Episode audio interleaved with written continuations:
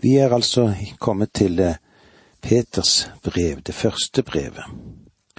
Og eh, vi leser i det første verset der, Simon Peter, Peter, Jesu Kristi apostel, hilse de utvalgte som lever i fremmed land. Peter, han er blitt kalt for den uvitende fiskeren. Men det er vel ingen som har tilbrakt tre år i Jesus skole som kan bli sett på som uvitende. Og eh, Peter sitt brev, det jo bekrefter jo dette. Peter tar opp læresetninger og behandler viktige temaer. De første få versene han skriver, tar han opp store læresetninger som utvelgelse, forhåndskjennskap, helliggjørelse, lydighet, Kristi blod, treenigheten, Guds nåde, frelsen, åpenbaringen, herlighet, tro og håp. Du kan ikke klare å få presset flere lærepunkter inn på noen få vers. Måten han behandler disse store bibelske temaene på, røper at han på ingen måte var en uvitende fisker. En stor forandring i Peters liv trenger igjennom i disse brevene eller de epislene som vi skal gå igjennom. Han har vært oppfarende. Men nå, hva har skjedd? Jo, Peter, han er blitt tålmodig. Han har tabbet seg ut mange gang. Han har fomlet, og han har snublet. Ja, han snublet når han først møtte Jesus. Herren fortalte ham hva han så i ham.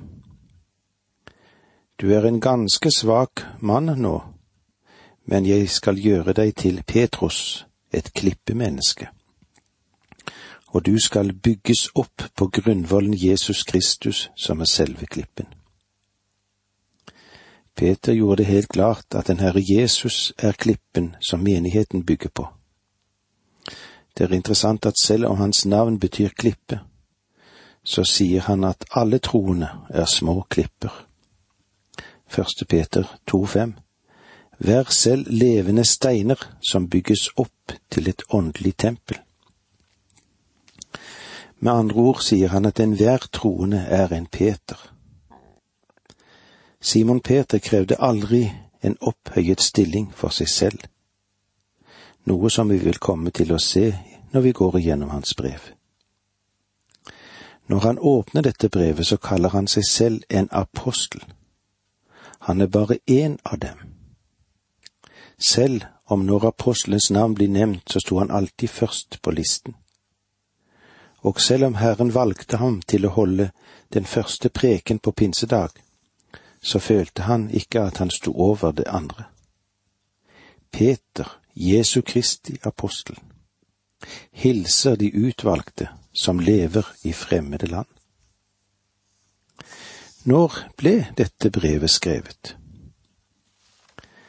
Peter skrev sine brev etter at Paulus hadde skrevet sine, og da må det være et sted mellom år 64 og 67 etter Kristus etter at den blodige keiser Nero hadde kommet til tronen og forfølgelsen hadde brutt ut. Peter selv, han led jo martyrdøden, ifølge tradisjonen. Peter viser òg i sitt brev åndelig slektskap med Jakob, med Herrens bror. I mange år leder av den kristne menigheten i Jerusalem. Viren, han har sagt det på denne måten. Felles trekk hos dem, altså hos Peter og Jakob, er det alvor som setter sitt preg på en kristens liv, og det levende håp som ser bort fra det nærværende til Kristi åpenbaring. Og så er spørsmålet hvor ble brevet skrevet? Menigheten i dette Babylon, den som er utvalgt sammen med dere, sender sin hilsen. Det samme gjør Markus, min sønn, skriver Peter i det femte kapitlet og det trettende verset. Det er de som mener at Babylon blir brukt her på en symbolsk måte, eller billedlig, og at Peter i virkeligheten mente Rom. Men det er ingen grunn til at han skulle bruke dette navnet billedlig. Peter, han var en apostel som ikke skrev i symbolske termer, slik vi møter det hos Johannes i åpenbaringen. Peter, han skriver episk og praktisk. Han forholder seg til det daglige liv, der det leves av den enkelte troende. Jeg tror om at han hadde ment Rom, så ville han ha skrevet Rom. Jeg er selv i tvil om Simon Peter kom til Rom, men det jeg tror er at han var i Lille Asia, selve hjertet av det romerske imperiet. Men han var ikke den apostel som åpnet opp i dette området. Jeg tror han fulgte Paulus. Paulus ville aldri ha dratt til Rom om Peter allerede hadde vært i Rom, og at han hadde forkynt evangeliet der. Fordi Paulus gjorde det helt klart at han aldri dro til stedet der evangeliet hadde vært forkynt i tidligere tider. Siden Rom sto på Paulus sin reiserute, synes det klart at Paulus, ikke Peter, grunnla menigheten i Rom.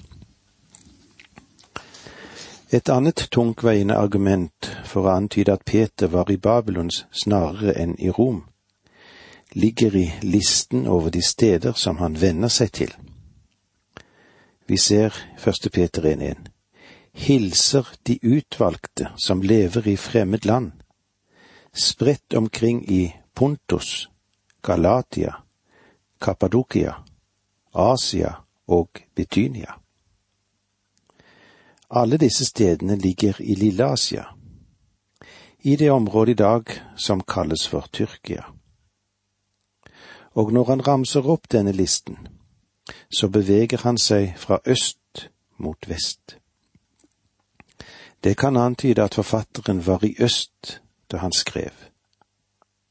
Den naturlige og vanlige måten å liste opp geografiske steder på er å begynne på det punktet der du er. Skulle jeg dra sørover, ville det min liste kanskje vært slik. Oslo, København, Hamburg, Paris, Roma.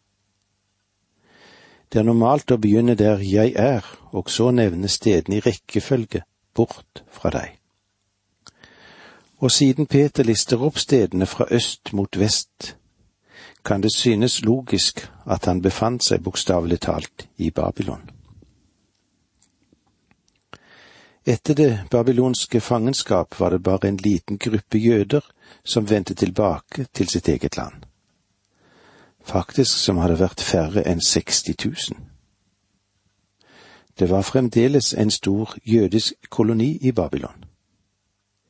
I tillegg hadde jøder flyktet til Babylon da omfattende forfølgelser begynte under Claudius i Rom.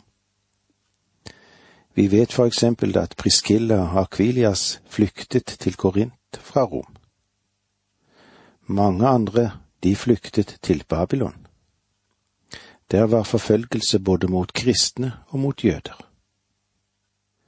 Siden vi vet at Peters tjeneste i særlig grad var rettet mot jøder, så er det sannsynlig at han besøkte de jødiske koloniene i Lilleasia, og da spesielt Babylon.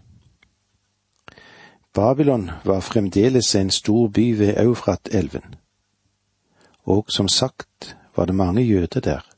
De var blitt værende igjen i denne byen etter at fangenskapet hadde opphørt. På tross av at Papyas, histori historikeren, nevner at Peter døde i Rom, så finnes det ikke noe tungt historisk materiale for å støtte dette utsagnet. Jeg ser ingen grunn til å se bort fra det faktum at Simon Peter var apostel for de av Israels folk som var spredt omkring. Jeg tror at Peter dro østover, mens apostelen Paulus dro vestover. Vi vil komme mer tilbake til disse tingene når vi møtes igjen neste gang. Takk for nå, må Gud være med deg. Dette undervisningsprogrammet består av to deler. Åge Nevland fortsetter nå med andre del av dagens undervisning. Vi er i apostelen Peters første brev, og vi har sett på hvor det er skrevet og hvilken betydning det har for oss, og nå vil vi gå inn på temaet. Men la oss sitere det første verset som står i første Peter. Peter, Jesu Kristi apostel hilser de utvalgte som lever i fremmed land, spredt omkring i Pontus, Galatia, Kappadokia, Asia og Betynia.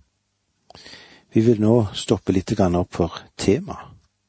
Hvilke viktige tema som tas opp i dette mektige brevet som vi har fra Peters sin hånd. Det store temaet i den første epistelen for Peters hånd er det kristne håp i trengselstid. Selv om Peter tar opp flere store læresetninger og behandler viktige temaer, så skriver han ikke bare nøkternt og saklig. Peter, han er også blitt kalt for håpets apostel, mens Paulus er blitt kalt troens apostel, og Johannes, han er blitt kalt for kjærlighetens apostel. Denne pisten legger stor vekt på håpet, men jeg tror at det ordet som sterkest markerer temaet i dette brevet, er lidelse.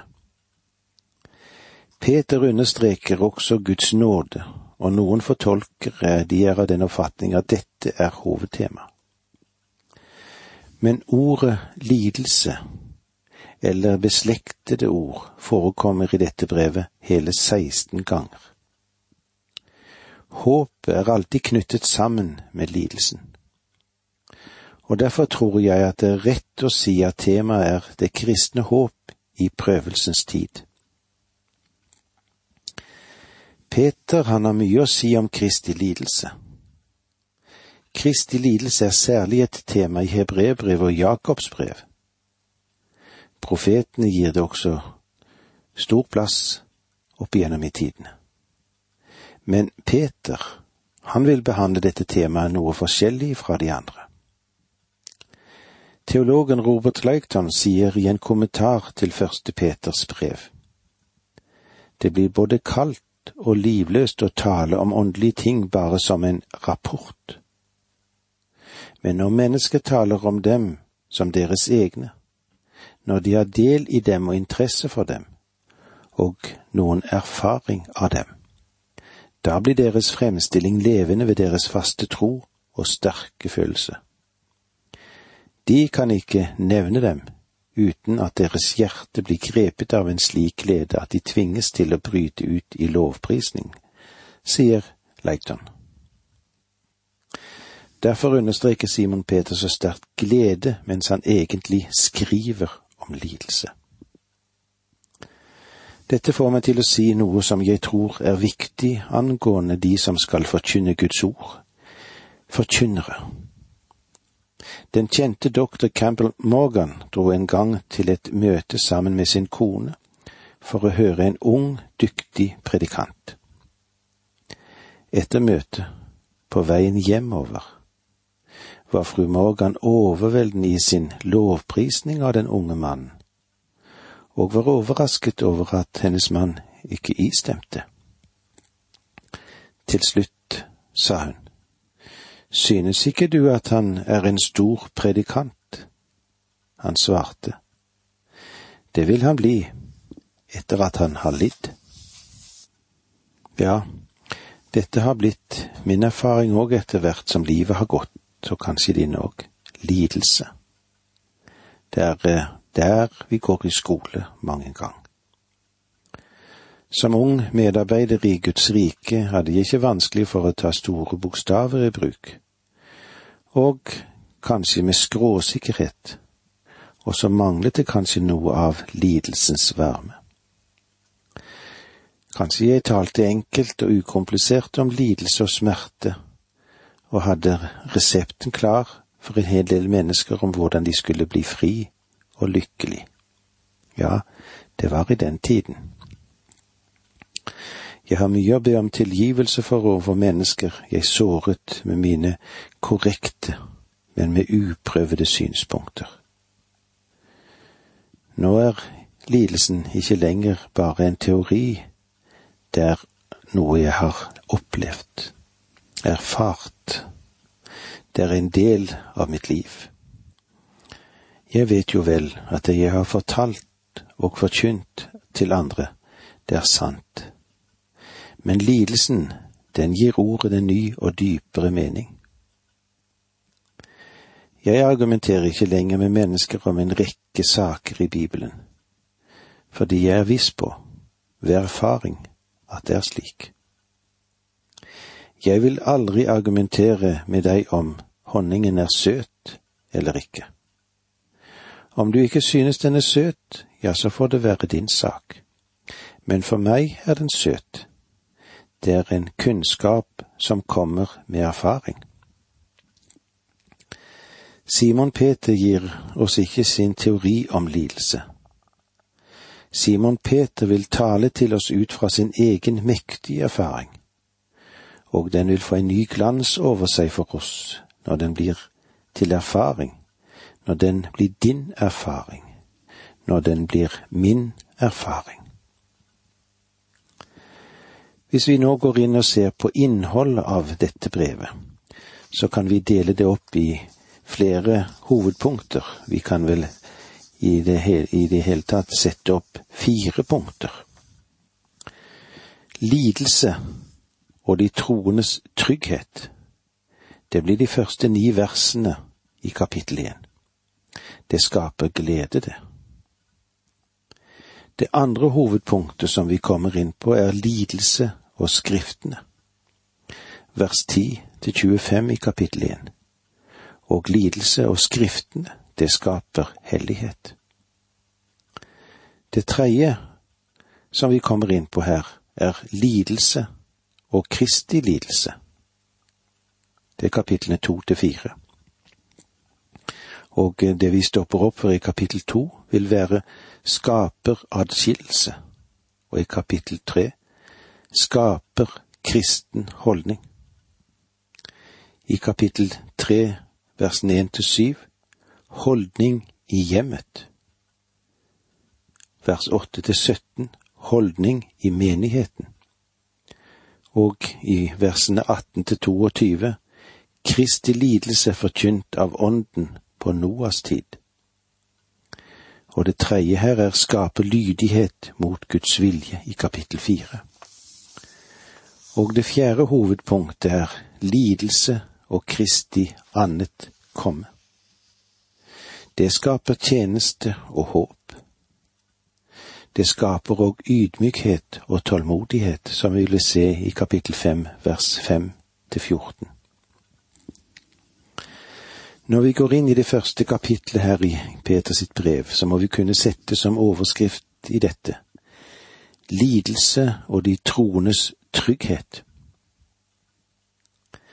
Mange mennesker har aldri hatt følelsen av trygghet og visshet i sin frelse. De troendes trygghet er en læresetning som jeg trodde, selv om det tok meg lang tid å komme til det punkt der jeg fikk visshet om min egen frelse.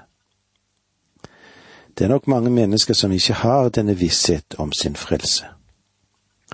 Hvorfor? Hvorfor er det slik, da? Fordi lidelse og den troendes trygghet går sammen.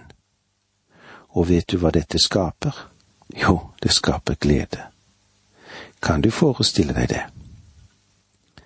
Nå vel, dette første verset vi skal gå inn i, har en ladet mening. Det står slik i det første verset i første Peter. Peter, Jesu Kristi apostel, hilser de utvalgte som lever i fremmed land, spredt omkring i Pontus, Galatia, Kappadokia, Asia og Betynia. Legg først merke til navnet hans, Peter, Petros klippe. Han er nå klippemenneske. Pinsedagen ligger bak ham, og han vet hva det vil si å ta et standpunkt for Kristus. Han er blitt arrestert og satt i fengsel. Han er blitt truet, og han er klar over at det kan vente ham en korsfestelse fremme på livsveien. Peter, han er en mann som vet hva han snakker om.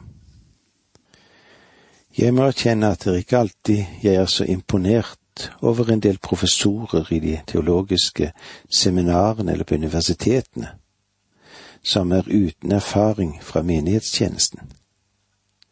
De har lite annet å tilby sine kandidater enn sine egne teorier, kanskje.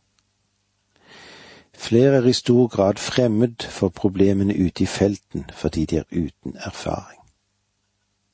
De vet ikke hva det vil si å slite med det daglige overløp og bære lidelse for Kristi skyld. I noen tilfeller har jeg flyktet inn igjen i Peters første brev og lest det på ny.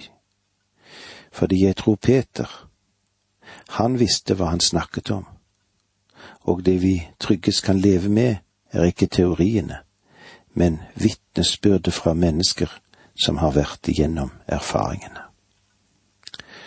Og med disse ordene må vi si takk for nå, må Gud være med deg.